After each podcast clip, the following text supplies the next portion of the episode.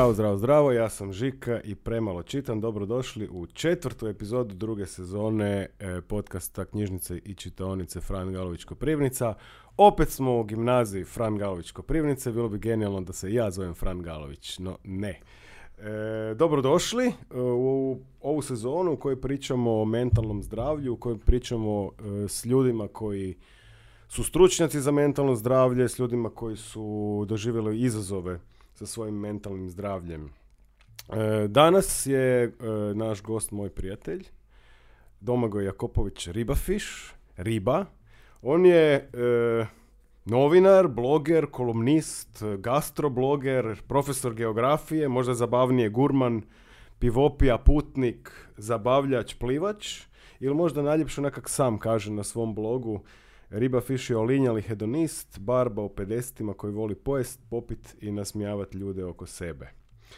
U ovom razgovoru, ako ostanete s nama do kraja, a ja ću vam sad od srca preporučiti da to napravite, e, pričat ćemo o traumi, pričat ćemo o preživljavanju, pričat ćemo o nevjerojatnoj inspiraciji koju nam je Riba ponudio, pričat ćemo naravno o čitanju, pisanju i knjižnicama, i na kraju ona mala igra asocijacija koju smo uveli ove sezone. Riba, dobro nam došao. Pa bolje vas našao. Evo, htio bi biti Fran Galović nakon ovako lijepog uvoda.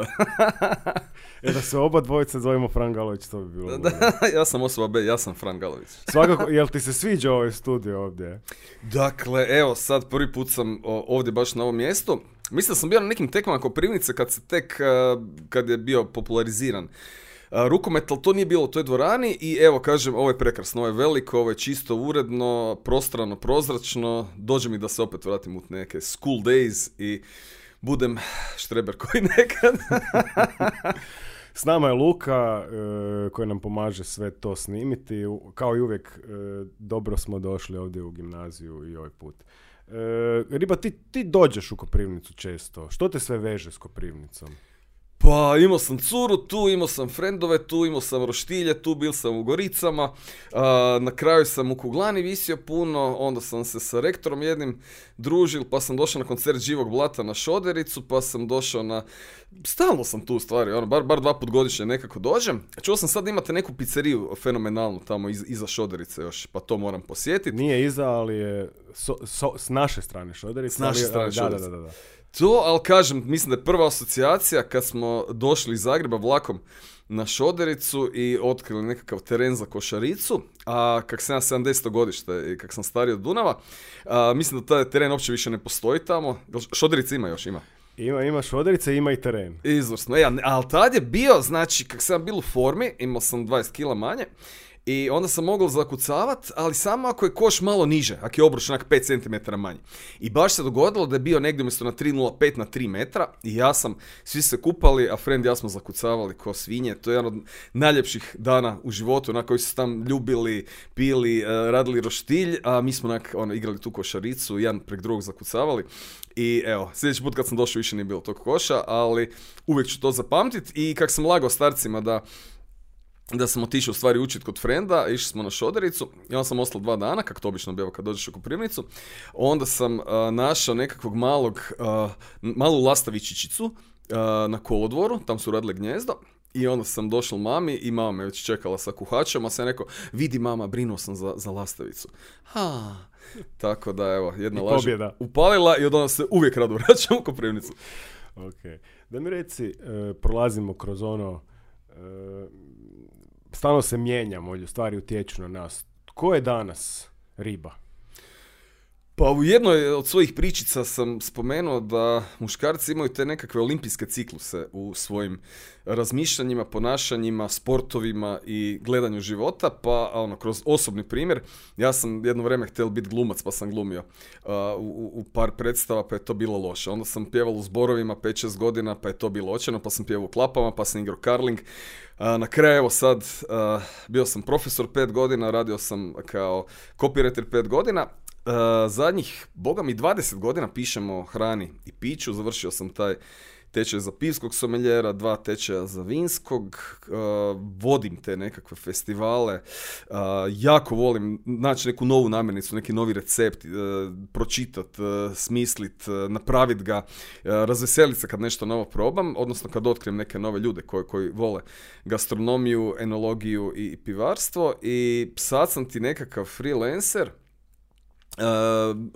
skakućem između posla, znači živim od toga da pišem o hrani piću i vodim razne festivale, putujem po turističkim zajednicama i radim reportaže i tog nekakvog ribe koji želi biti i dalje, ne želi biti debel i bavi se sportovima svim i hodam i plivam i taj treći riba koji u stvari želi tu neku humanitarno ekološku svrhu postići, odnosno prenijeti to nešto znanja u ove 53 godine što sam skupio o našem planetu i klincima dat e, nekakve ideje da se bolje zabavljaju, da se više vesele, da se više druže i da kvalitetnije provode slobodno vrijeme. Tako da tvoj, to tvoj, dan, tvoj dan je dobro ispunjen. Pa boga mi ta četiri sata što odspavam, to mora biti brzo. brzo spavaš. Brzo spavanje. Brzo spavaš. Ok. E, mi smo tebe danas pozvali e, prije svega jer si doživio tu traumu, tu strašnu traumu koja je teško zamisliva, izgubio si e, dijete. Prije nešto više od pet godina je tvoj sin Rok umro u 12. godini života. nešto što je vjerojatno na vrhu tih popisa trauma ili doživljaja koje čovjek može osjetiti na, na svojoj koži.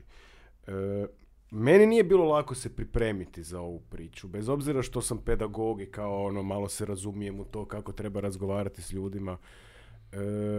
E, li ima formula? E, je li ima neko pravilo koje ti sad znaš kako razgovarati s ljudima koji su doživjeli takvu traumu? Ovo što si rekao, ljudi se mijenjaju kroz vrijeme i ono da, da mi je neko pristupio na jedan način uh, u prvih mjesec dana, pa zatim u, prvu godinu, pa u prve dvije godine, uh, apsolutno drugačije to prihvaćaš. Uh, ja sam se odrekao puno ljudi za koje sam mislio da su mi prijatelji.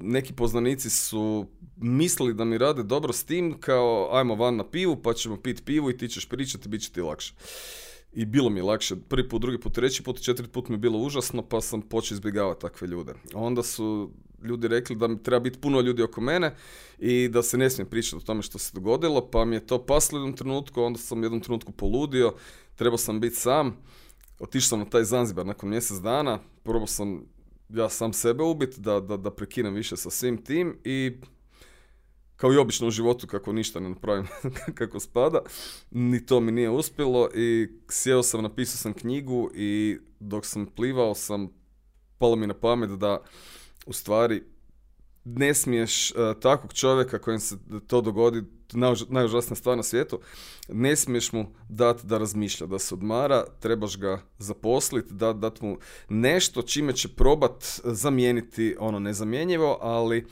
nekakav surogat, znači kad, kad prestaneš jest meso zbog zdravlja, zbog nečeg i kreneš jest soje i, i te nekakve druge stvari, to nije to, ali ako ne ideš ništa, propašćeš, neće biti dobro, a ako kreneš barem nešto ovoga, uh, davat sebe u nešto, bi, bit će barem nekako bolje. I evo, ja, ja imam sreće, stvarno imam sreće što u pravom trenutku su pravi ljudi došli oko mene i uz te neke koje, kojih sam se morao riješiti, ali to je nekakva kolateralna žrtva i di sam uspio sam sebi naći. E, glupo zvuči za animacija, ali evo, četiri godine projekta Roko Otok, gdje smo ono, uz plivanje tih nekih 220 km i 50 tih predavanja s klincima, akcija čišćenja, zezancije, hodanja, landranja, 6000 klinaca je tu bilo da u stvari da ja ne razmišljam zašto se to dogodilo, kako se to dogodilo i tko je kriv, nego da prihvatim da život jednostavno piše neke svoje priče koje ni e, Žika, ni Luka, ni Riba ne mogu sad reći aha, sad sam primio život za jaja, sad ja znam sve, sad ću ja kak ja hoću, nego neke stvari idu po svom toku, a koliko god se mi pravili važni i pametni, to ono, ne, ne možemo to odrediti. Uglavnom sad, evo, kad, kad, kad vratim taj film nazad, nisam puno pametniji, ali uh, sam smireniji. Jedino to, evo, tih pet godina, uh, Rok je imao 12,5, nije imao u 12. ali apsolutno nebitno. jednostavno pokušavaš iz tragedije ne se povući, ne pas na dno, ne, ne se uvući u sebe i ne, ne, ne tražiti žaljenje, nego iz toga probat napraviti nešto da se neko drugi bolje osjeća, da nekom pomogneš da možda pričajući o svojoj tragediji da spriječiš neku drugu tragediju. To je užasno jer evo, svakim trenutkom kad, kad se sjetim roka, ja se izgubim, počnem mucati i, i sjetim svih tih divnih stvari i najrađe ne bi ono, ni mislio o tome, ni sjeća se toga, ali jednostavno to je to. To je 12 najljepših godina mog života i mislim da je bila jedna prekrasna priča, ali evo, život je rekao svoje i samo nema prede. A valjda taj neki, ne znam šta, šta nas drži tu na, na okupu, Matrix, Bog, Allah, uh, kornjače na, na slonovima, ali ne znam, izgleda da, da nije još vrijeme da odem i ne znam kako, ali ću probat uh, napraviti nešto i dat, dat svoj obol, dat nešto da, da drugim ljudima bude bolje. Kad e, pričamo o samoj traumi, o tom što se dogodilo na početku u tebi, jer, e, jer bi mogao ono ko Vergilije Dantea mene odvesti u, u, u taj pakao i e, reći što je to? To je kao da, kao da je kraj svijeta, kao da vidiš da se sve urušava, da se raspada, da padaju ogromne gromade oko tebe, da nekakav asteroid e, more nadire i, i, i ti, ti se želiš skloniti, ali se ne želiš skloniti jer tražiš uzrok. Ovo, možeš pobjeći negdje, sakriti se u neku rupu, ali dalje plivaš, trčiš, izbjegavaš jer želiš doći do, do uzroka, želiš otkriti šta je bilo, zašto, kako. I onda konačno dođeš do te nekakve provalije i hoćeš ono unutra ući, ali, ali ne ide, vraćaš se stalno nazad. E, u tom trenutku uh, si potpuno nesuvisao, lud, jadan, nemoćan, bijesan, uh, ubio bi, uh, pojeo bi, otišao bi ono stvarno na, na kraj svijeta i izmislio vremeplov. Tražiš šamane, pitaš koja, koja droga ti može pomoći, tražiš ono neke stvari koje ni u ludilu u normalnom stanju ne bi napravio, jer si apsolutno izgubljen, jer ništa više nema smisla. Znači da, kažem, da nije bilo u sljedećem trenutku kad, kad se čulo za to, ja sam pješke išao doma i išao sam po cesti, na kiša je padala, trubili su auti, travi, ja sam išao pješke i rekao, ak, ak, bolje da me zgazi nešto nego, nego da sad, nego da dođem doma i budem sam. I, i, i u tom trenutku je došlo nekih 10-15 ljudi i oni me nisu pustili mjesec dana da budem 5 minuta sam, jer uh, toliko tih pitanja, uh, scenarija, ja, ja sam takav lik koji je volim ljude podijeliti na Word i na Excel. Excelovci su matematičari, tehničari koji ono sve precizno, točno se zna kad šta di i Wordovci, znači oni ljudi koji e, sve opisuju nečim, recimo ja, Excelovac će raditi kolače, znači 300 grama brašna, 15 deka šećera, a Wordaš će otvoriti frižider i unutra naći uh, kupus, uh, gulaš od prekjučer, kocku za juhu, ne znam. E, i, i, i tu, su, tu su onda, znači, u tom trenutku sam sam sebi bio najveći problem jer sam ja sebi napravio 30 scenarija šta je bilo, zašto se to dogodilo i ko je kriv, jesam li ja kriv, kog treba, na kog treba vikat, kog treba proglasiti krivim, zašto se dogodilo, kako se može vratiti, jel se može vratiti, jel neko zna. toliko tih kako da recimo e, ideš na posao i kasniš, imaš tri stvari za, za, za obaviti i onda ne znaš koju bi prije. E pa ovo je tisuću stvari koje, koje ti napadaju mozak koji je kaša, koji, koji niš, više nije mozak, totalno si nefunkcionalan, neučinkovit i samo želiš da, da, da se vrijeme vrati, da, da bude sve normalno kao prije, ali, ali ne ide i onda ta bol ovoga prije.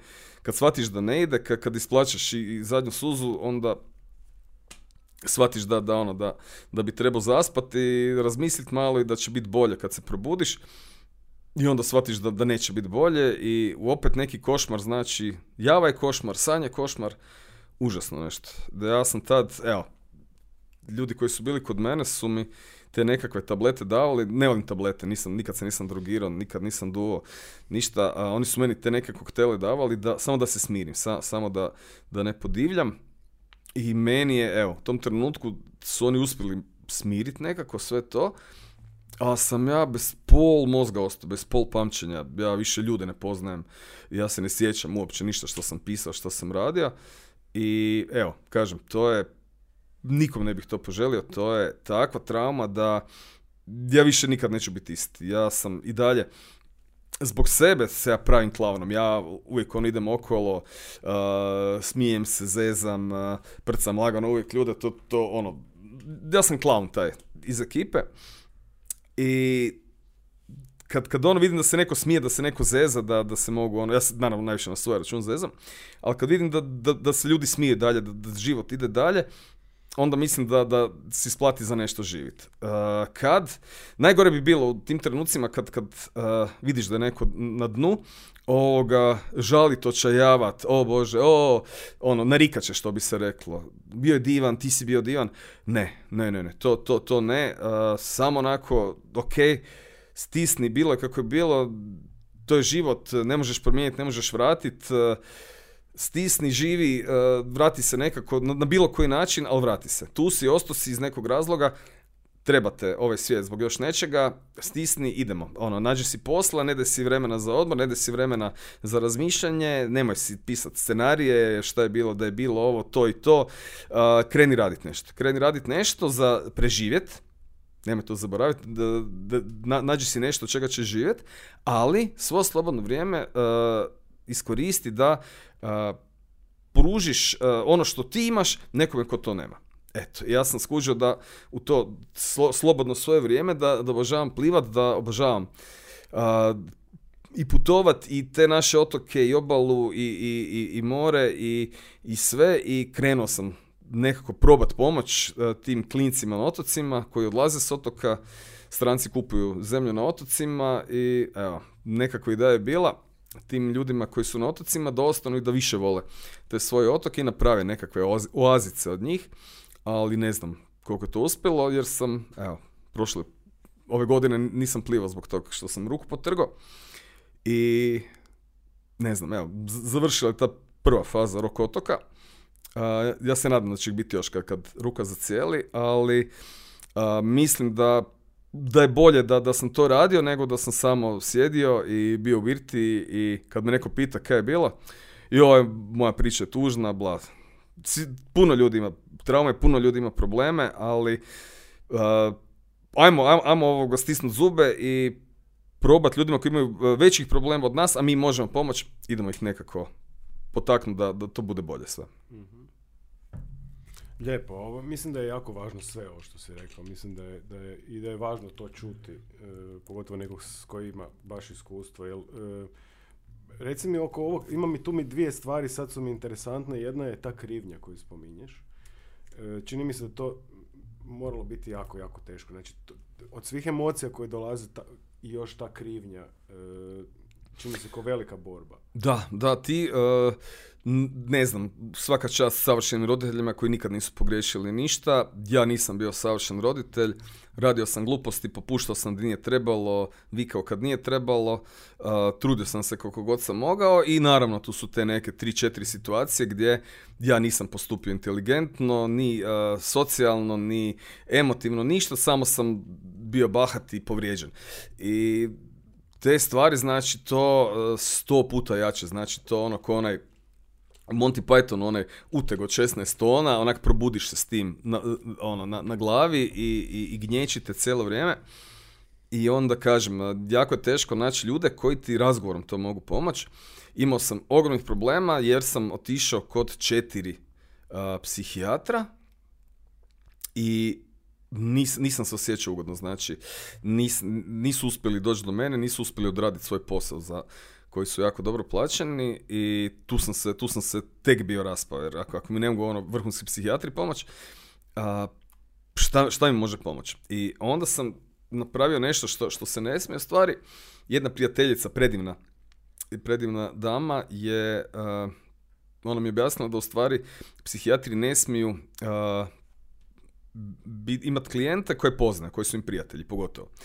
I onda mi ona rekla, ok, ono, ja sam već u mirovini, ne radim više, uh, please, nemoj spominjati moje ime da sam ti ja to rekla, ali samo je napisala 1, 2, 3, 4. Ovo su četiri faze koje se dogode kad, kad se dogodi tragedija, broj jedan si prošao, u drugoj si trenutno, treća će ti biti najgora, kad dođeš do četvrte ćeš shvatiti da može živjeti dalje kao ne pola čovjeka, nego kao tisućiti dio čovjeka, ćeš ići dalje, onako prazan skup, možeš ti nakititi cvijeća okolo i, i, i, i šarene, šarene košulje, ali ti ćeš biti rupa koja se može malo lagano napuniti, ali nikad, nikad nećeš biti pun čovjek, ali jednostavno to je proces i to ne možeš u jednom danu napraviti, čekate ono, godine, godine muke, ali nađi si nešto, nađi si za animaciju, nađi si za animaciju uh, i naravno da to bude nešto pozitivno i kvalitetno i tu možeš, možeš nešto napraviti od sebe. To je bilo nakon tri mjeseca, ja sam izgubio tri mjeseca života,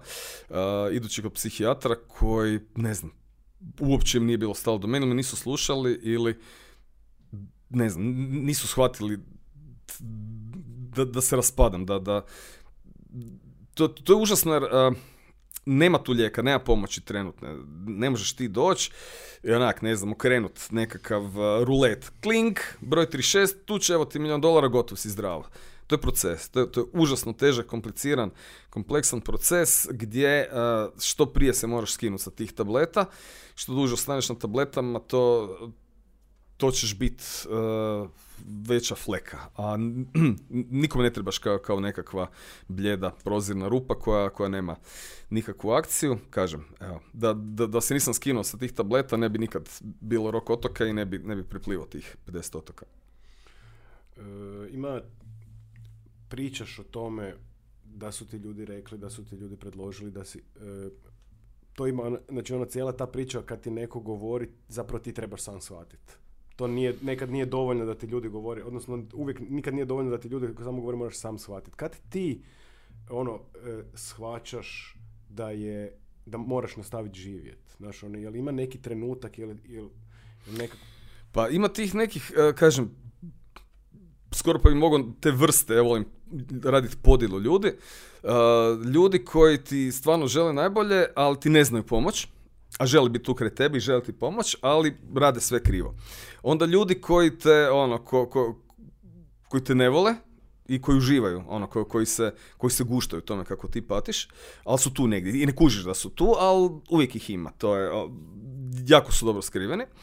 I uh, prostodušni neki ljudi koji, uh, koji tu uopće ne znaju, niti znaju išta o životu, ali imaju te nekakve navike od prije, znači evo to, to su ljudi kad mi je peti put prišla takva nekakva osoba i ponovila isti tekst.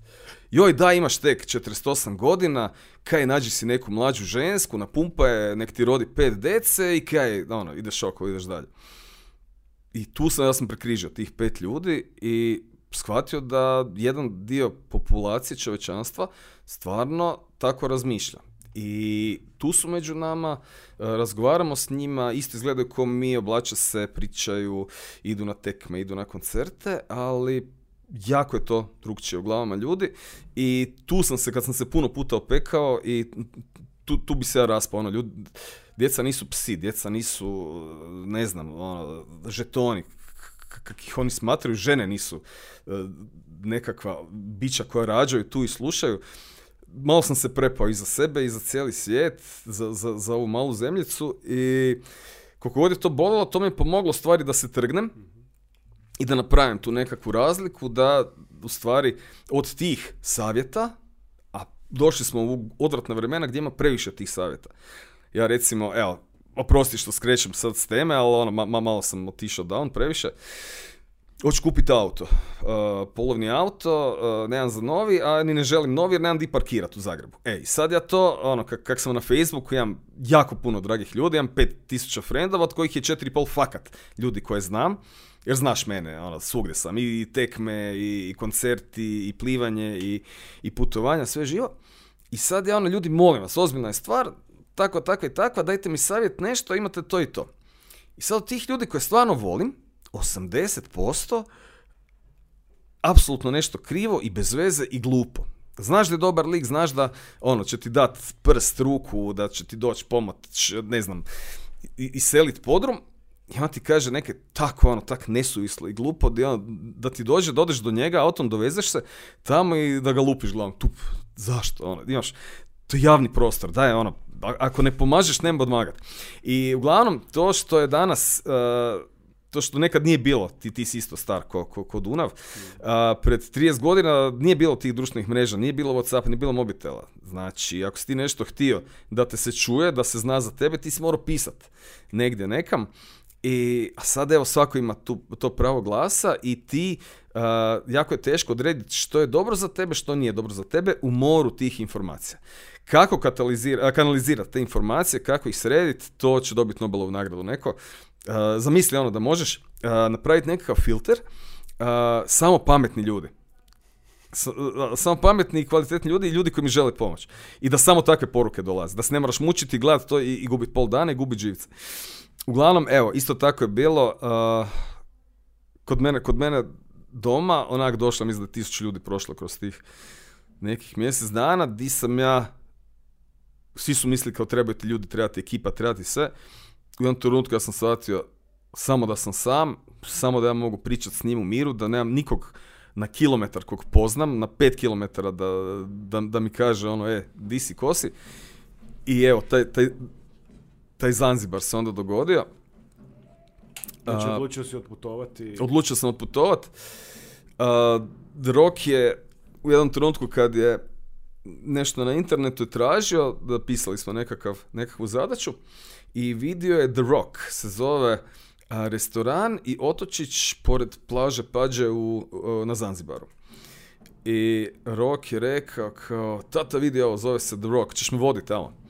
A mi smo pisali, imali smo knjigu, bilježnicu jednu sa najljepšim plažama svijeta i onda gdje god bi otputovali bi mi išli na neku plažu, onda bi davali ocjene. I ja kažem kao, pa super, buraz, ono, mogo si, mogli smo ići na krk, ne, ti bi odmah na Zanzibar, a tata. I ja sam rekao, dobro, ok, idemo na Zanzibar kad maturiraš. I Rok mi pogleda, ali moram spet. Rekao, ma daj čovječe, sam, sam ti maturiraj. I ovoga, naletio sam na tu fotku nekako dok sam on, ne, nešto išao po internetu i otvorio folder, uh, štedio sam za, za faks, roku, ono, sa sve kaj sam sa strane štedio, to, to sam stavljao sa strane i otvorio sam taj folder i otišao na taj Zanzibar i ovoga, tu sam u stvari shvatio da je nekad je bolje biti sa ljudima, nekad je bolje biti sam, ali evo, na, ljudi su individue, niko nije isti, niko nije taj isti sklop gena, adenin, guanin, citozin, uracil, kad se to zmeša, brate, ono, sad ti i ja da krenemo, ono, pet istih stvari jest, u kremšta super, kremšta super, u juha super, juha super, na petoj stvari ćemo se zgubiti. Ti ćeš reći meni super, ja ću reći ovo je odvratno i to je to. I sad zamisli tih milijarda nekakvih gena, evo, na mom primjeru,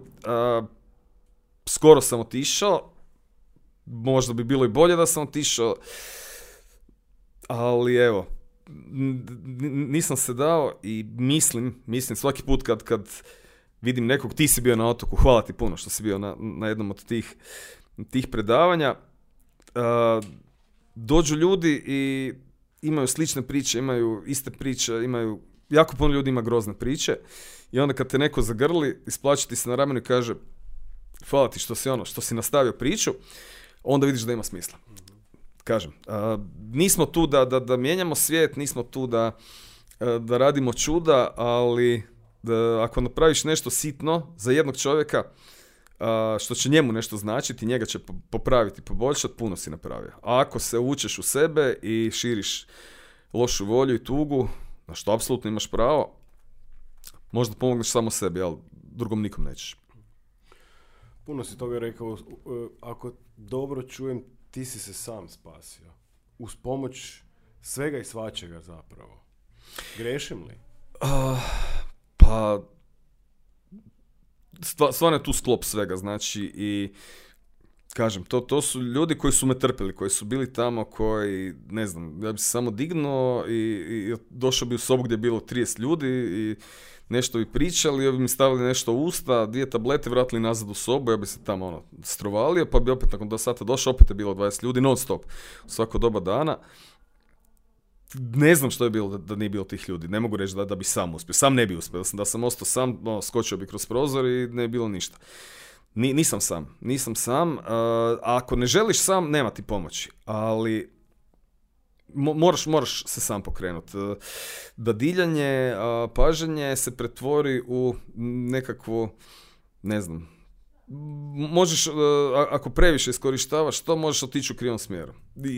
Di ste svi, treba, me mazit, pazit, u bedu sam. Stalno sam u bedu, ja sam od 24 sata u danu, svaki trenutak u stvari odem na taj bed, ali onda ne znam, onda krenem evo, baš imam klinca u kvartu, kad, kad ih vidim da, da tam trtljaju pod tim mobitelima, ne znam, kogod sam umran, zaletim se doma, uzem štapove za, za, za čišćenje, kao, ajmo deca, bacite mobitele, a daj riba, ajde, ajde, hop, hop, i krenemo to čistiti, skupljamo to smeće, malo pričamo, mrzme pri 5-10 minuta, a nakon 10 minuta se jednostavno počnu pričati i skužiš da, da im je dosadno, da da su ti mobiteli i kompjuteri da su genijalna stvar ako ih pravilno i ravnomjerno koristiš, ali da isto koji sve drugo. Ono, kad, kad, ako, imaš, ako imaš loptu i 18 sati dnevno si s loptom, onda će patić škola i patit će nešto drugo. Isto tako i s tim stvarima. Problem je da, da bi trebalo razgovarati s klincima i nekako iznivelirati sve, znači izbalansirati cijeli Boži dan, ali naravno niko nema vremena za to, niko nema vremena za zabavljati se. Nekad je, mislim sad, nije da patim za starim vremenima, ali mi se sviđalo to što si 8 sati bio na poslu, 8 sati odmaro, 8 sati spava. Danas si 15 sati na poslu, pa 3 sata od doma fušaš, pa si onda na, na, na, na razgovorima, pa objašnjavaš, pa se ispričavaš i na kraju flap. Ono, život prođe kraj tebe i onda se slikaš. Nešto da, da bi ljudima E, dokazao kako je tebi super, a nije ti super, nego se moraš pravdati pred njima, jer šta će ljudi reći? Kud to vodi čovječe? Umjesto da se ono, svako ima svoj način da bude sretan. Sad ne znam, ti možeš e, ići u ribičiju, možeš samo blejati u zid, možeš gledati tekmu, ti bar imaš 50 hobija i, i to te ispunjava. Ali ne može svakog ista stvar ispunjavati, niti možeš nekog prisiliti da mu to bude savršeno. Tako da, ovo što si rekao sam, ako sam sebe ne bildaš, psihofizički, e, neće biti ništa od toga. Pretvorit ćeš se u, ono, u ništa, u, u, u nekakav oblik bića koji nikom nije koristan. Znači, potražiti pomoć, ne odusta dok ne nađeš kvalitetnu pomoć, ili bar ono, shvatiti da nakon xy vremena, tipa godinu dana, da ti možda nema takve pomoći e, i onda se prepustiti samom sebi i, i, i svojim, svojim mišićima. Da govorim i, i, i, ovoga, i, i o ručnim i o nožnim, ali i, i o mozgu gdje bez, ako ti nećeš sam, ako ti nemaš volje, ne, neće biti ničeg. Da, nisi sam, ali moraš i sam. Da. Mhm. Da, puno je lakše kad imaš nekog, ali ako sam ne kreneš prvi dizat, neće sam od sebe dići. To je kod da ti onda, ne znam, dižeš uh, uteg od 100 kila i sad ti treba još, ti možeš 98 kila dići, ali ti treba ono neko te, te dvije kile dići onda ti zoveš, ne znam, četiri miša, 15 mrava i onda zajedno to dignete. Kuš, oni će ti pomoći, vi ćete dignuti taj uteg, ali ti sam ga nećeš dignuti. To je to. Ali evo, kažem, puno, puno hvala, do neba hvala svim ljudima koji su bili tu, koje možda ja nisam shvatio koliko su mi pomogli, jer sam, kažem, u tom trenutku bio apsolutna rupa do, do kraja svijeta hvala što, što su bili tu svim ljudima koji su pomogli oko Rok otoka. Pazi, za Rok otok je nekih 250 tisuća kuna bilo samo da se pokrene sve, da se, da se kupe pokloni za klince, da se plate svi ti troškovi, da, da krenu ti kombi sa poklonima, da se to dostavi. Koliko volontera, koliko, koliko ljudi koji su skupljali pare, koji su slali pare, koji su na kraju došli tamo i pomagali. To je organizaciji i evo, već, vjerojatno većini od njih nisam ono, ni stisnuo ruku, niti bi sad skužio da je neko, evo, na, na šta ja znam, na Čijovu, da sad sretnem čovjeka u gradu da mi kaže, e riba, di si? Bog, bog, bog, stari, a frajer je, ne znam, ono, žena je tamo tri dana čekala, uh, zvala ribare, pitala nešto, uh, očistila tu plažu gdje smo mi bili, donijela vodu. Evo, tak, takvim stvarima kad kažeš sam, nisam sam, nisam sam, uh, puno je predivnih ljudi. Koliko god loših ljudi ima, toliko i dalje ima predivnih ljudi. Ovom prilikom bi im, evo, svima zahvalio. Spomenuo si e, da si ti taj koji zabavlja svijet oko sebe. E, kad si si prvi put dozvoljavao smijeh i vesele trenutke, kad je to bilo? Je li to bilo teško? Da, da, zato jer misliš da, da, da nije primjereno, da si kriv, da, da nije red, da... A ne znam, opet s druge strane, uh, kad nam je poginuo najbolji prijatelj, kad smo imali 21 godinu, prije tog smo, jako puno smo razgovarali, jako puno smo i čitali, i slušali muziku, i izlazili, i razgovarali.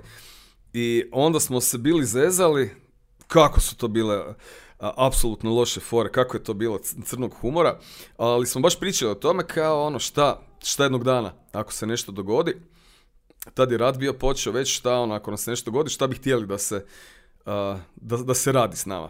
I onda taj Dubravko rekao, ja sam toliko sretan kad znam vas debile tu, mi se toliko smijemo, ono, nećemo vjerojatno neću u nišu životu napraviti, ali niko se nije nasmio toliko ko, ko mi, baš smo bili ono vesela, dobra, dobra, dobra škvadra.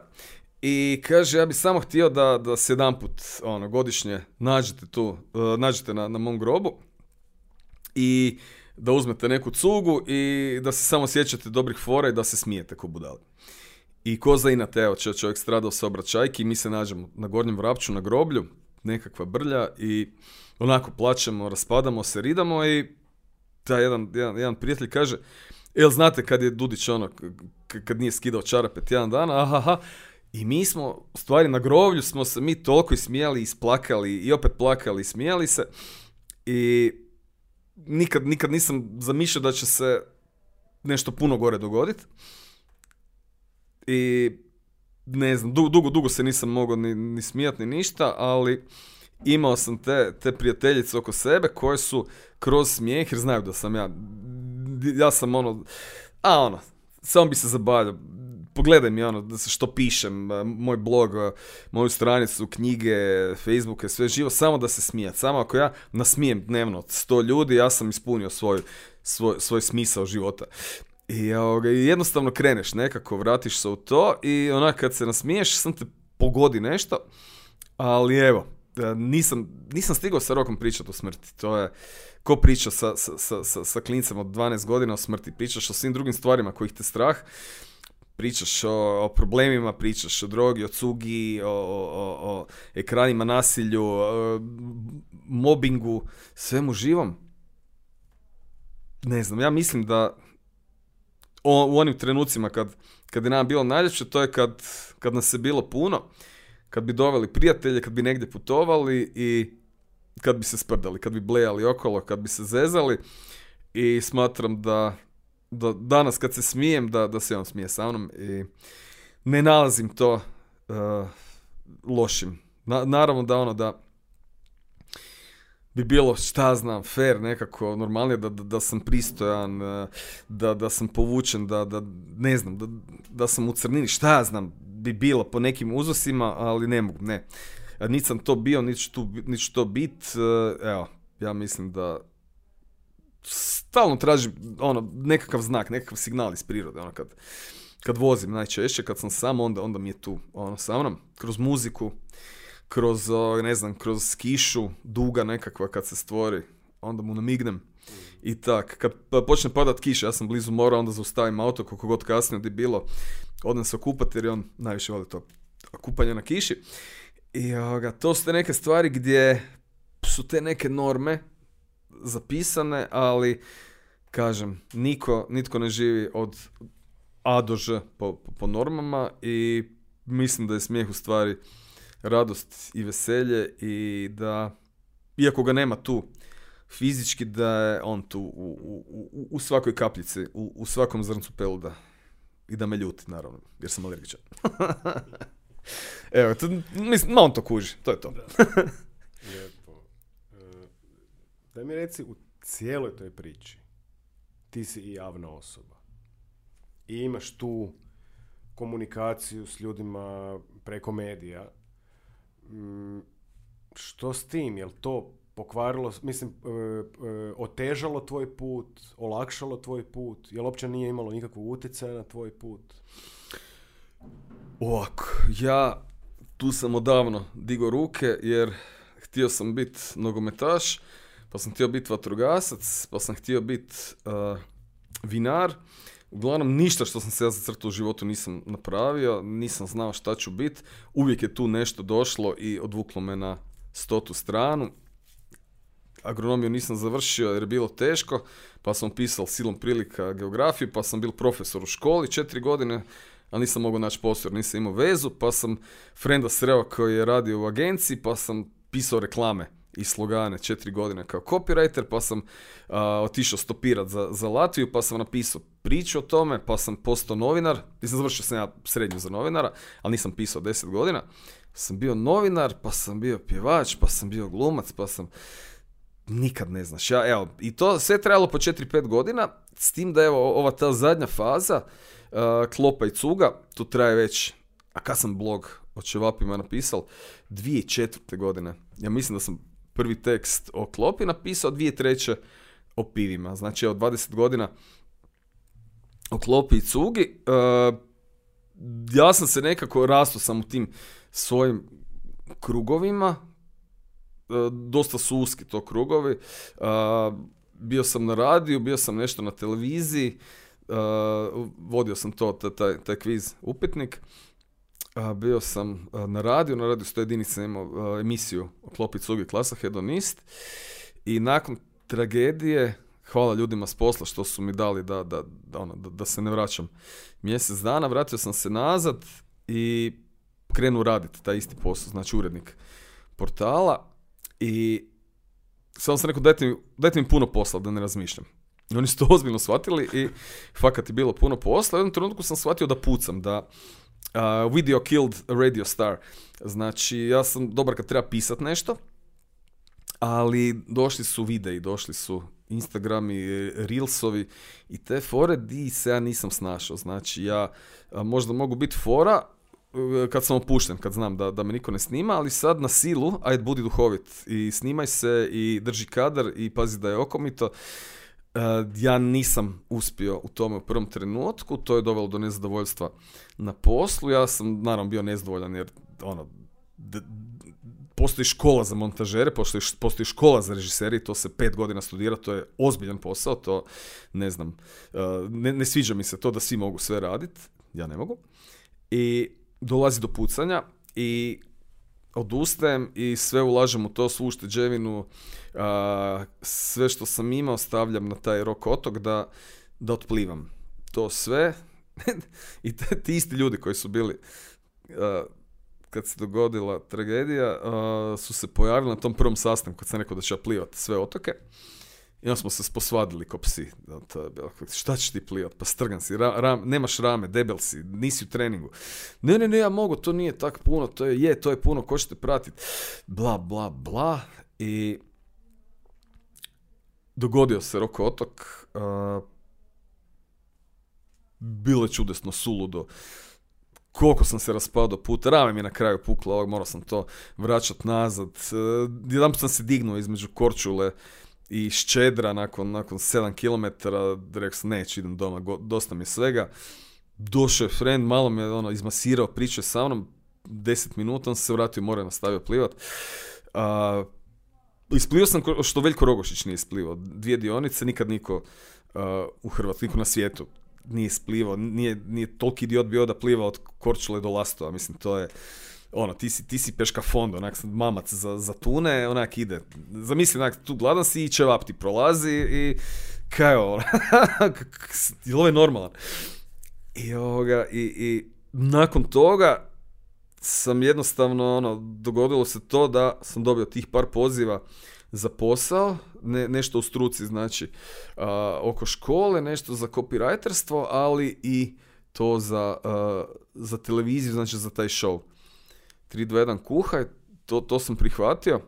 Ja sam inače apelirao da, da budem u žiriju, kako 20 godina pišemo o klopi i cugi i stvarno mislim da imam šta reći o tome, ali sam upao kao, kao voditelj što nije bilo dobro, ispričavam se svima što su me gledali drvenog, kilavog i masnog, ali evo, zahvaljujući jednom, jednom divnom biću, Doris Pinčić koja mi je pomogla oko svega, na kraju sam ono to odvodio tri sezone i uz put počeo raditi ono što sam i prije fušao, a to je znači te, te nekakve vođenje manifestacija, turističke zajednice, znači ako, ako imate viška para, želite pričati o gastronomiji, nemojte stavljati reklame na televiziju, ni na radio, ni u novine, nego zovite mene i Kasandru i mi ćemo doći, sve ćemo vam pojesti popit i napisati iskreno i s ljubavlju. Tako da evo, e, samo reklama. to i kak se zove, e, evo ja ti radim nekih deset posla istovremeno, deset foldera imam. volim e, kulturu pića i ispijanja sad, daleko tog da, da cijenim to kad se neko jako napije, ali uh, alkohol je to oko nas i nije zabranjen i ako u normalnim pravilnim količinama konzumiraš, to je opet nešto zgodno, zanimljivo. Pišem o tim pivima, istražujem. Uh, zadnji put ono, sam pio loša piva i puno pred nekih 30 godina. Sad je to ono više više posao nego da ću ja sad doći doma. Pazi, ja dođem doma i imam hrpu toga uh, cuge, ali ja pijem, ono, pijem čaj, pijem, pijem nekakav sokić, jer, ono, ne, neću miješati posao i sad, ono, doći doma i, ono, sad mi treba prije spavanja konjak, ne treba. Tako da, ovoga, volim, pišem o tome, to me zanima, istražujem, uh, završavam te tečajeve, idem okolo, uh, educiram se, pazi, ono, u 53. se ja i dalje educiram, idem na te tečajeve. Uh, volim istraživati i koliko je to sve sad značilo, ne bih ti znao reći. Ja mislim da to je prokleto, znači kad, kad se nekom dogodi nešto grozno, nešto tragično, on postaje zanimljiv, on postaje, još pogotovo ako je javan. I onda ono, ljudi, ljudi žele, ljudi žele ono, iz tuđe boli, ono, žele nešto izvući, neku korist. baš sam slušao sad muziku nekakvu i bilo je dubioza kolektiv, kao ono, mi smo tu cijela regija koja živi od sekiracije, znači nerviranja i teško mi je, kiša je, vruće je, hladno je, toplo je, poskupilo je, benzin, ljudima nažalost treba nešto da se uskokodakaju oko toga na ovim područjima umjesto da rade, da, da nešto stvaraju, da uh, ti znaš, ti si glazbenik i ne znam, napravili ste tih 4-5 albuma i sad on imaš svoju vojsku obožavatelja. Skoro deset. Deset albuma. Ja, ja, sam ti fan. Evo, žuti karton za ribu. Oprosti. Deset albuma. Molim da se ovo izbriše. I kak se zove sad ti ono živiš to, pišeš, mičeš akorde, svađate se, dižeš, spuštaš, snimiš, nije dobro, vreš nazad i onda neko ono na YouTube-u ti napiše bez veze. Znači ti ono, tih tvojih ono šest mjeseci rada, patnje i neki liko je ono, nije ni poslušao ili samo mrzi sebe, prvenstveno sebe, onda i cijeli svijet, ide ti napakostiti i kaže to, si jadno. I, I to su takve stvari, kad, evo, s vremenom prestaneš se ono nervirati oko tih stvari, ali uvijek boli i sve više takvih stvari gdje imaš priliku se nanervirati. Što si stari i što više radiš, to, to je više tih neradnika i zlih, loših ljudi e, koji ti žele nekako napakostiti jer ti ne mogu pomoći, ne mogu sebi pomoći. I sad, evo, to je, uz sve to, uz svu tragediju, uz sav užas, još kad ti se neko nakači i krene kopat po tome, pa dođete da iskočiš iz kože.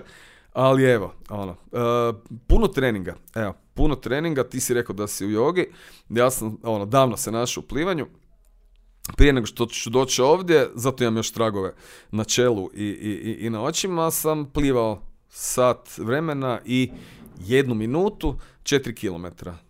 Pokušavam 4 km isplivati u što je kraćem vremenu i u ta 4 km ja skinem 2 litre znoja vode, masti, ne znam čega, ali u sat vremena, stari moj, ti imaš pločice ispod sebe, imaš rub bazena i imaš svoj mozak i ti možeš uh, misliti o lošim stvarima, misliti o dobrim stvarima, smišljati ideje, zezancije, fore i uh, nakon toga ti, tebi mozak i tijelo rade i ti si bolje. Ti, uh, ako sad neko dođe i pogleda, ti očešete ili napravi nešto glupo, ti ćeš ok, napravio sam nešto dobro, sad čemu da se nerviram zbog nečeg nebitnog.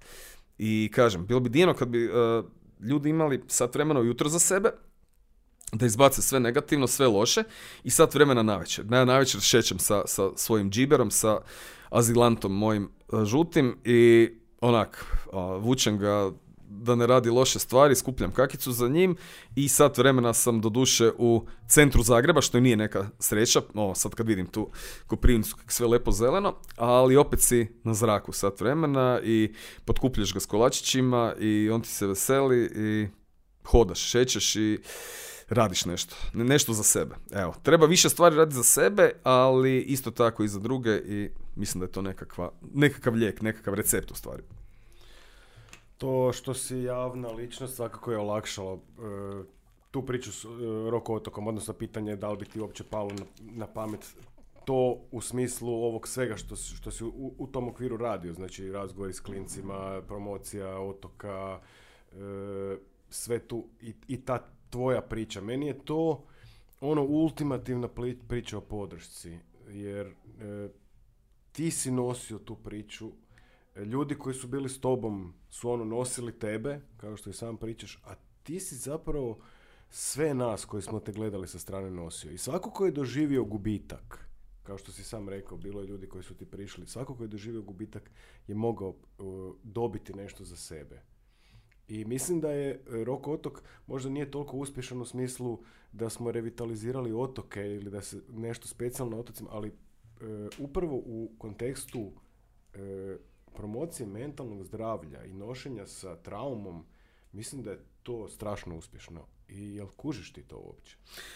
Pa točno to, točno to, kažem ti, ja sam, uh, vratio sam se, vratio sam se, našao sam si svrhu, uh, našao sam si nešto da, da ne spavam, ali da se veselim jer znam da to ima smisla. Uh, zahvaljujući mojim prijateljima sa PMF-a i prijatelju iz Giftonauta iz Osijeka, napravili smo tu kartu hrvatskih otoka, svih 50 hrvatskih otoka i mi smo svakom djetetu koje je došlo na predavanje dali veliku zidnu kartu hrvatskih otoka sa s popisom svih otoka koja nije u boji nego je e, crno-bijela i e, svako si sa flomasterom treba označiti na kojem je otoku bio.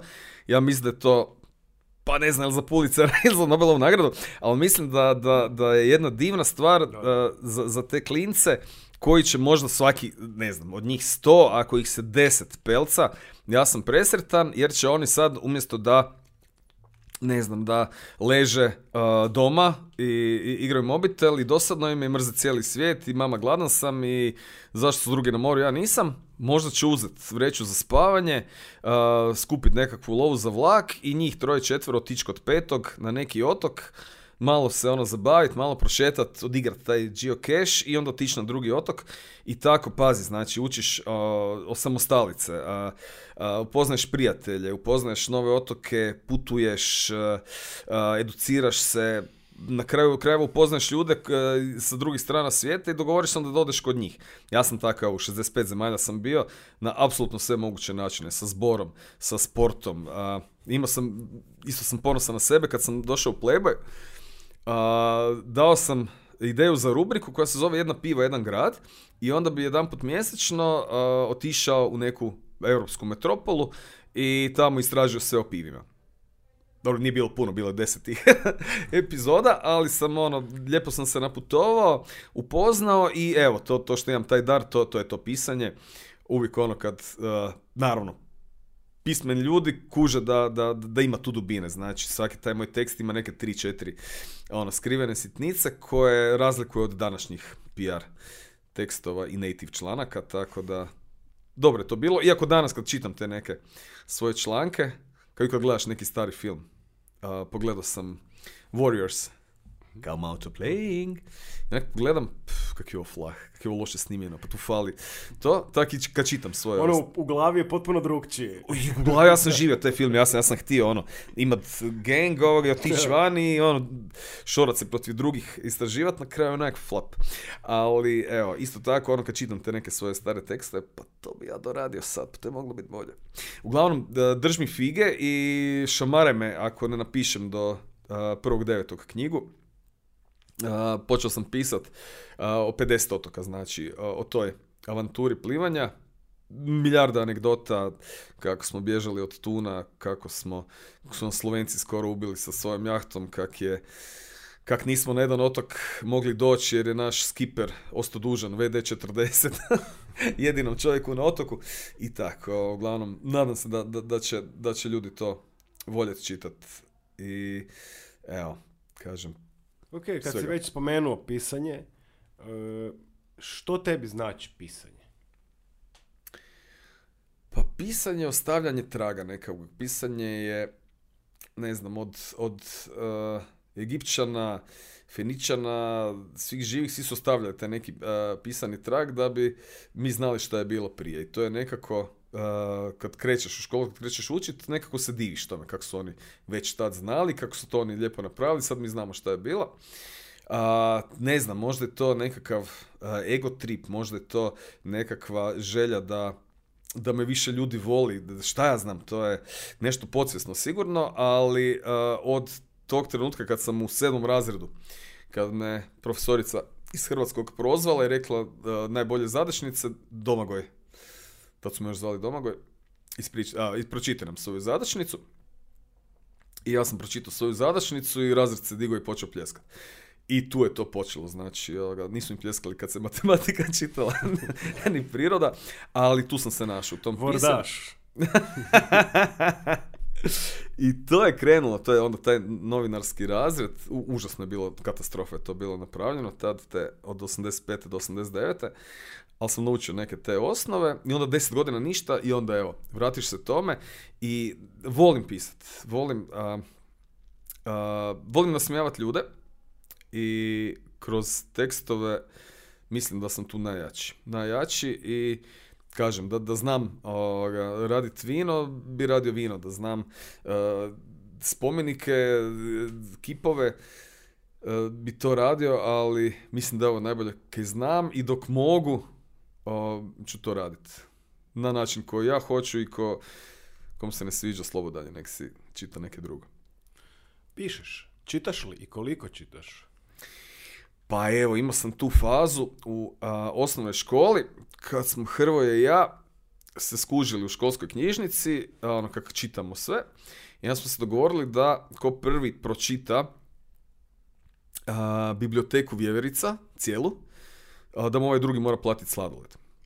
Uglavnom, meni je bilo ostalo osam još, e, to smo kroz sedmi i osmi razred, po četiri, pet knjiga tjedno čitali i tamo sam bio došao do nekih ono junaka Pavlove ulice, ove, ove teže sam ostavil za kraj.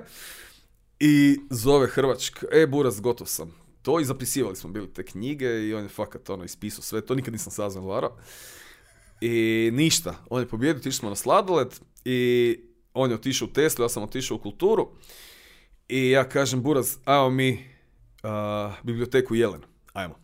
I onda smo kroz tu srednju školu, isto do manjim intenzitetom jer smo u dosta teške škole otišli, jedan i drugi, ali sam došao na 80% biblioteke Jelen i zaljubio su neke, neke autore kao što su Hitchcock, Agata Christie, Škvorecki, uh, ostali Česi i Tribuson.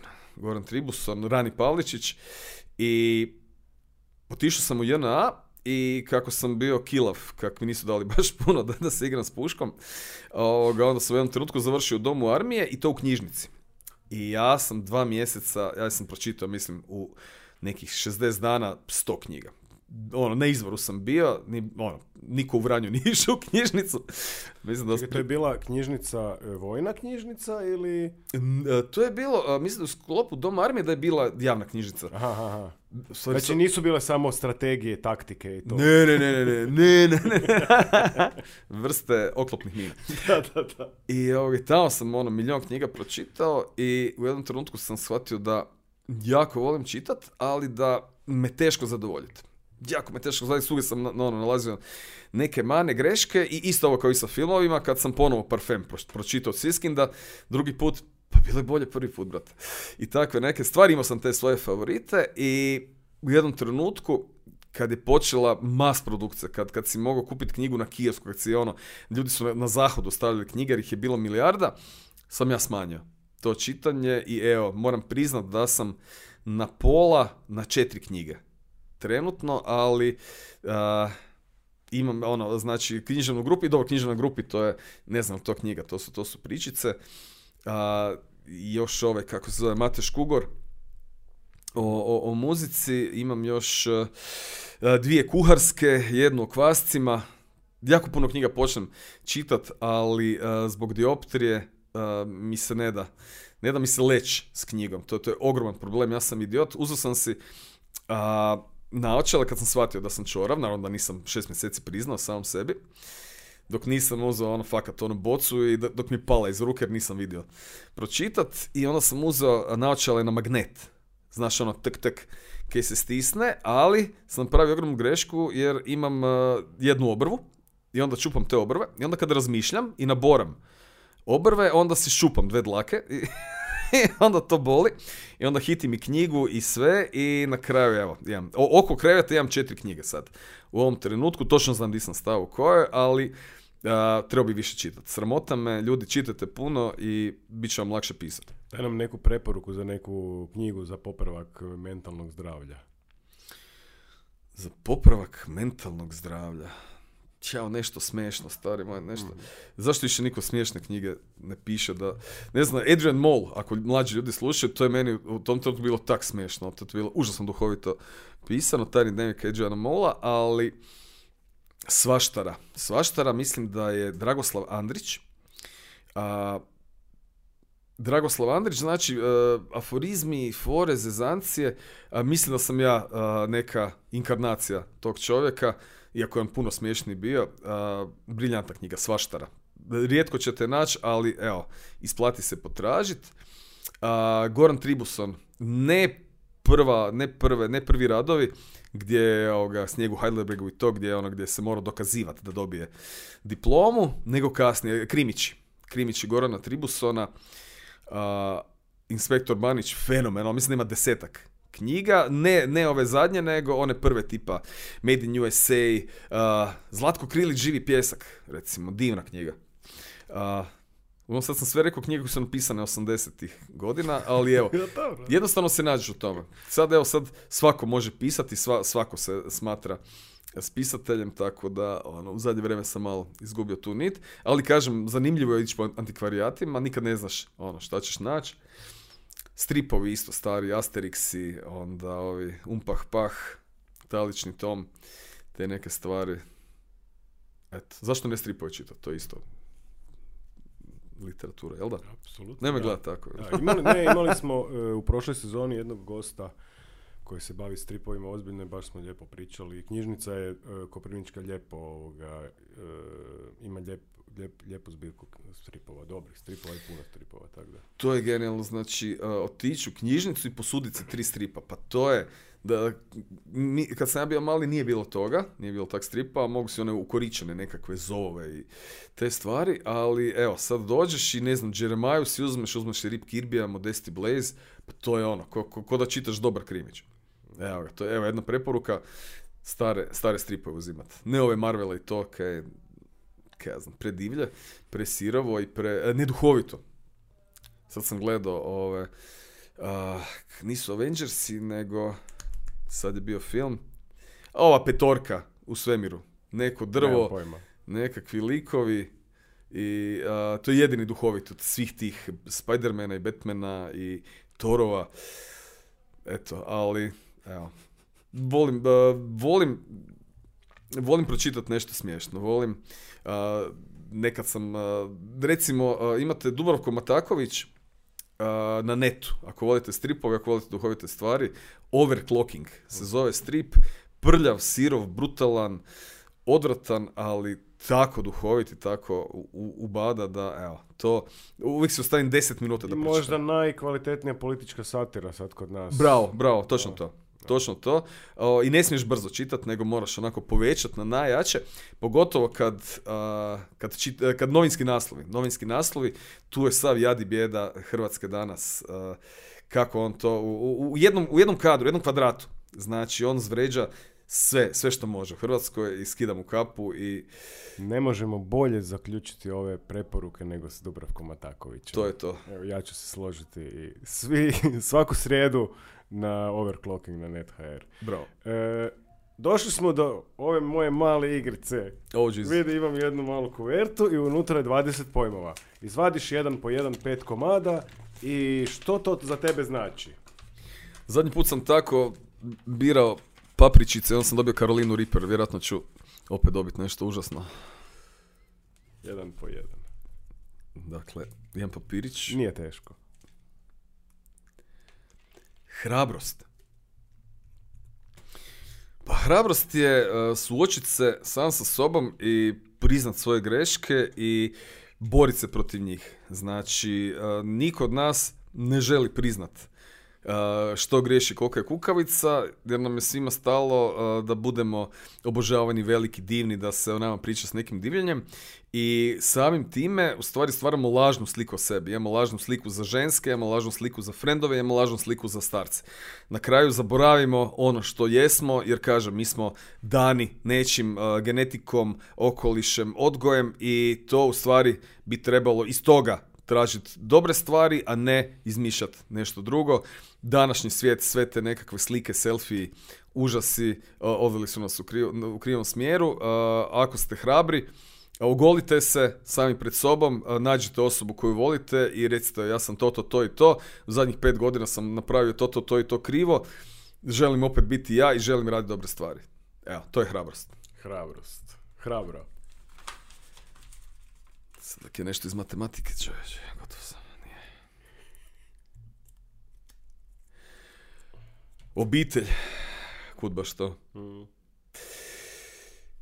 Obitelj je nešto najsvetije, najljepše što možete imati i shvatite to što ranije. Ja sam apsolutni idiot imbecil koji se durio na starce do 25. godine i sa 26 se isplakao, izgrlio, izljubio i možda prekasno rekao roditeljima koliko ih volim, koliki sam imbecil.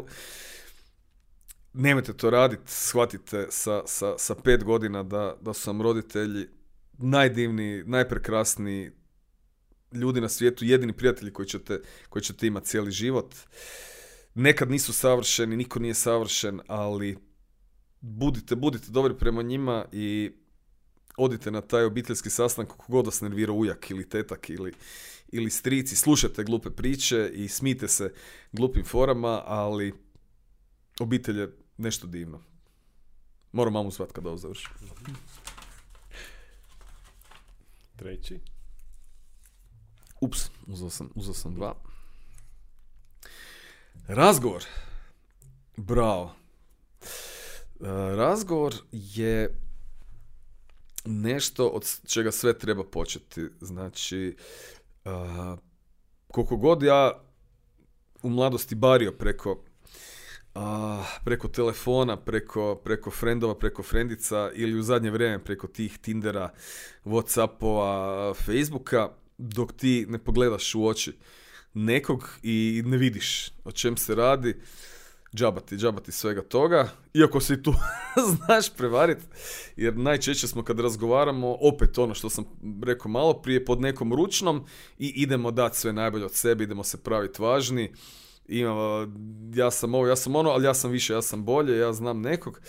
A, divno, divno je razgovarati, ali opušteno i bez nekog pritiska. Mislim da je da nam svima fali više razgovora i da bi, da bi trebali posvetiti jedan sat dnevno.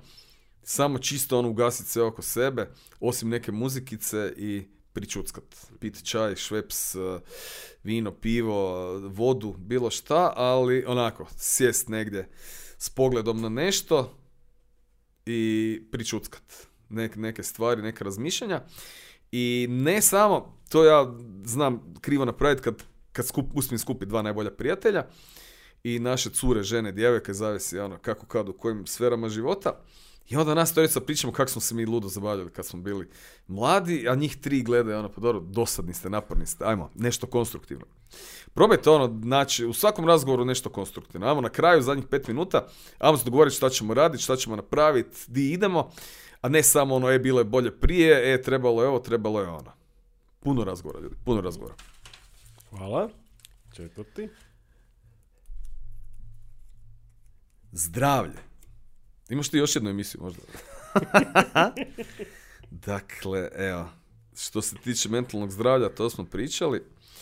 Fizičko zdravlje, uh, ja sam najpotrganiji čovjek svijeta ikada. On, igrao sam 15 godina tu odbeku, svi zlobovi su potrgani, koljena krckaju, kičma boli, a, operirao sam bruh sad bio, pukla ruka, rame boli, na lijevo oko ne vidim, očuravio sam, zubi šuplji, čelava.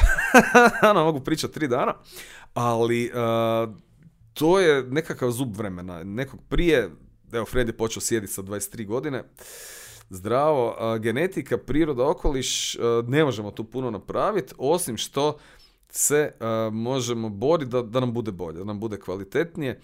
Nađite si nešto što će vam popraviti zdravlje. Nemojte se konzultirati sa YouTube-ovima i, internetima. Odite kod stručnjaka i poslušajte neke savjete. Biće loših, bit će krivih, ali evo, ja sam počeo ujutro popijem čašu vode, mlake sa malo limuna, popijem kavu da me pročisti, ali bez šećera i bez, bez mlijeka, jer nakon 30 ti ne treba laktoza uopće. I onda pišem, pišem 2-3 sata, prošećem džukca 2-3 km i uh, jedem celer. Neko mi je prodao priču da ako žvačeš stapke celera, da ti to odnosi više kalorija nego uh, da, da, da, da, da ne jedeš ništa. Znači, to je toliko, uh, toliko vlaknasto i toliko ono, puno vode da ti puniš želudac nečim, ali ne unosiš kalorije. I znači, evo ja ta tri sata ke pišem ujutro tekstove, napunim želudac, zavaram ga i onda odem na trening i onda plivam tih sat i više nešto vremena. Stari moj, ja ono, u 12, pol jedan, uh, napišem još jedan tekst, ja sam gladan ko, ko zmija, ali sa treningom sam se onak, sam se, smanjio sam taj želudac, želudac je dalje pun jer ima tih vlakana, i ja ne mogu pojesti, ko inače, tri tanjura graha za ručak i evo, osjećam se bolje nego kad sam ležao. Znači, tri mjeseca sam ležao zbog potrgane ruke i dobio sam, ono, bio sam na 106 kila, sad sam na 95 i dobro je, dobro je, kužiš, ono, kad vidim tu ekipu koja je stara isto koja ja, onda se smijem.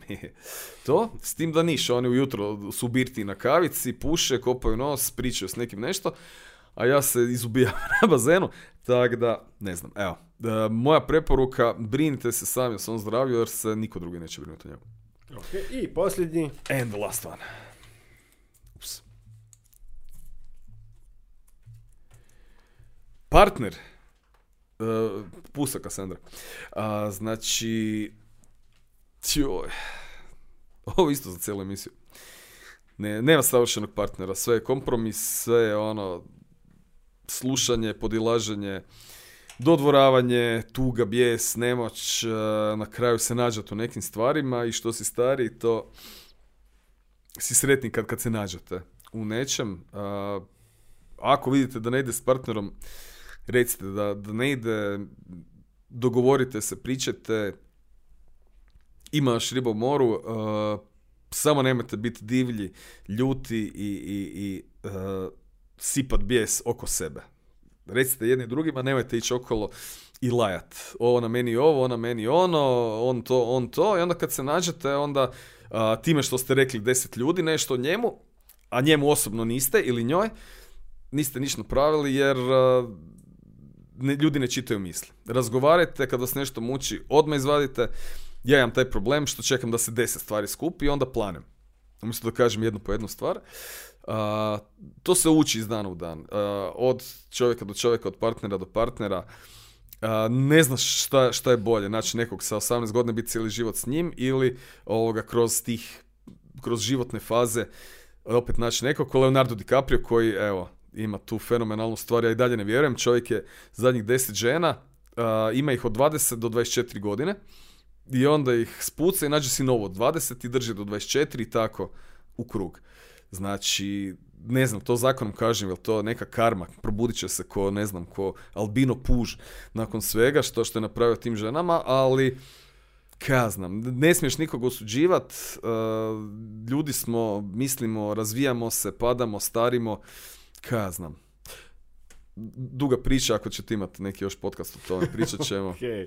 Hvala ti puno. Evo ga. E, Zadnje pitanje uvijek svima je ako nas sad sluša netko ko osjeća da ima potrebu, da mu treba pomoć vezana za mentalno zdravlje, koja je tvoja brza i kratka poruka toj osobi?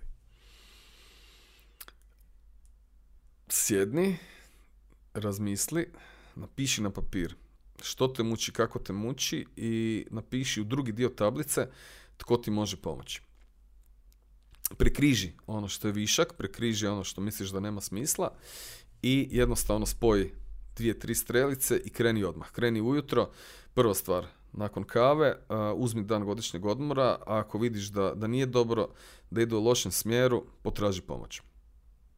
Kad pričaš sa uh, ljudima koji ti mogu pomoći, koji su zaduženi za to da ti pomognu, onda razgovaraj sam sa sobom, uh, opet napiši na papir, opet si napravi nekakvu tablicu i vidi u kojem smjeru ideš. Uh, jedan je život, uh, ako se svjesno uništavaš, ako, ako odustaješ od sebe, ako odustaješ od svega, nije dobar smjer. Nije dobar smjer, uh, tu si, imaš priliku nešto napraviti u životu, napravi za sebe, moraš prvo sebe voliti da bi volio druge, ali puno je ljepše kad, kad si okružen dobrim ljudima i kad radiš dobro za zajednicu, onda ćeš i sam biti bolji. Ali uh, stavi na papir, sve stavi na papir, od razmišljanja uh, i od kukanja nema ništa. Hvala ti. Hvala tebi. Hvala ti na e, cijelom razgovoru. Hvala ti što si došao u Koprivnicu. E, hvala ti na svemu tome što radiš i hvala ti na svoj toj inspiraciji. E, hvala ti na tvojoj priči, hvala ti što ju dijeliš i dalje. Mislim da je to jako važno. I niš, samo ti mogu poželjeti dalje sreću i zdravlje i da, ove, da nema više novih trganja. da nema novih trganja, raznih kostiju i tako dalje. I da, i da živiš. Da živiš. Hvala ti puno i uskoro očekujte akciju čišćenja Čisteći Medvedići, ekipa s kojom sam dosta obišao Hrvatske, e, čisteći okoliš, evo, super se razvijamo i uskoro radimo nove podružnice i ako imaš vremena, ako imaš frendova i ako imaš ljude koji ne znaju šta bi sa sobom, idemo malo u prirodu, idemo neke pojest popit i očistiti par tona smeća. Zvuči I, sjajno. I to je to. To je za početak. Odmah će vam biti sjajno. bolje svima. Sjajno. Hvala ti puno. Hvala tebi. E, hvala što ste slušali. Ja sam Žika i prema čitav.